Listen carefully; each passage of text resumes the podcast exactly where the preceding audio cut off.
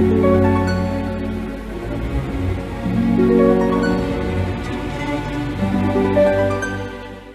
Pisces, saya dengan Madam Aza. Kita bacakan sekarang kartu tarotnya. Yang pertama adalah untuk karir, bisnis, peruntungan, ataupun finansial Pisces ya. Kartu yang keluar adalah The Fool. Ketika kartu The Fool keluar, ini menunjukkan orang yang loncat dari jurang untuk mendapatkan bintang. Kartu ini adalah tentang mengambil kesempatan yang menurut kamu pantas untuk diambil walaupun mungkin berisiko, walaupun mungkin bukan hal yang biasa kamu lakukan gitu ya. Ataupun kemarin-kemarin kamu belum berani. It's okay kalau kita nggak mencoba hal yang berbeda, gimana kita bisa mendapatkan hasil yang berbeda gitu. Jadi jangan buru-buru takut gagal, jangan buru-buru takut ditolak gitu atau nggak sampai ke tujuan karena ya berani aja dulu gitu ya. Yang penting risikonya sudah dikalkulasikan gitu. Loncat dari jurang untuk dapetin bintang kalaupun jatuh kita udah tahu jatuhnya di mana gitu ya di awan amin gitu. jadi kartu the fool ini ada tentang mengambil risiko dan itu nggak apa-apa. Selama kita melakukannya dengan akal sehat nggak cuma asal lompat-lompat aja. Ambillah risiko yang bisa kamu terima konsekuensinya karena kalau kamu nggak mencoba khawatirnya menyesal. Lalu untuk percintaannya Pisces kartu yang keluar adalah the sun.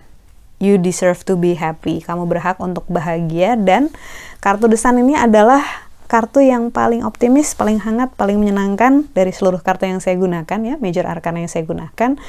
Ini nunjukin ideal, mataharinya bersinar hangat, ada dewa-dewi lagi main harpa, di taman bunganya lagi ada mekar. Insya Allah hal-hal yang kamu doakan akan dikabulkan oleh Tuhan, kita aminkan saja, kita bersyukur atas semua yang Tuhan berikan pada kita gitu. Kartu desan ini juga menunjukkan bahwa kamu sendiri harus Percaya bahwa kamu berhak untuk bahagia.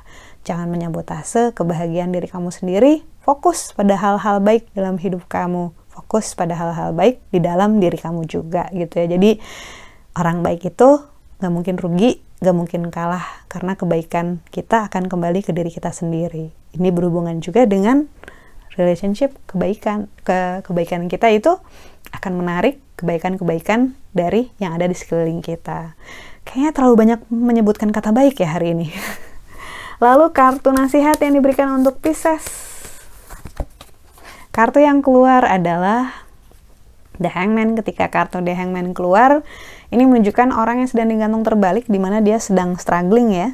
Namun dia tidak pernah ditinggalkan oleh dua matahari yang mengapit dia, yang menjaga dia. Gitu kartu ini sebenarnya bilang bahwa apa pun situasi yang kamu hadapi, kamu gak pernah sendiri.